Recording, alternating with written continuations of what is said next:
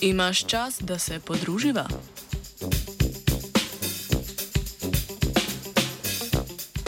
Raziskovalna skupina Univerze v Ženevi poroča o vplivu kratkotrajne socialne izolacije mladih miši na povečano željo po druženju, ki je posledica visoke aktivnosti oksitocinskih in dopaminergičnih nevronov med osamitvijo.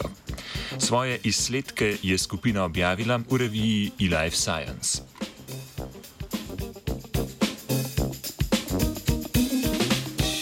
Socialno vedenje in željo po druženju do neke mere opredeljujejo in vsekakor spremljajo hormoni.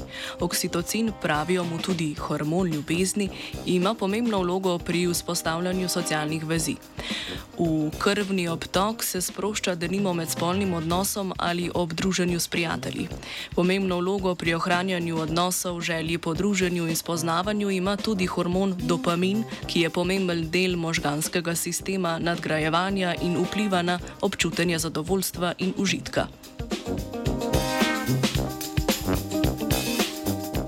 V začetnem delu študije je raziskovalna skupina miši najprej osamila za en teden, nato pa jih ponovno združila z vrstniki. Po izolaciji so te miši preživele veliko več časa z vrstniki kot miši, ki niso bile izolirane. Kratkotrajna izo socialna izolacija je tako povečala željo po druženju.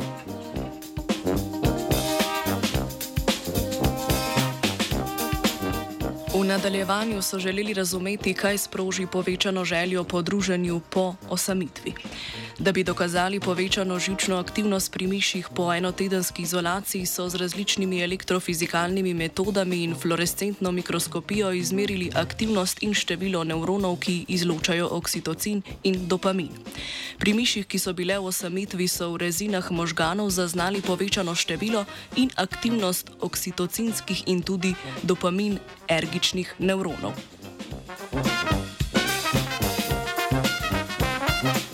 Na podlagi teh meritev so postavili hipotezo, ki predvideva, da je večja želja po druženju po kratki izolaciji posledica povečane vzdraženosti oksitocinskih nevronov v hipotalamusu, ki pa delujejo na dopaminergične nevrone v srednjih možganih.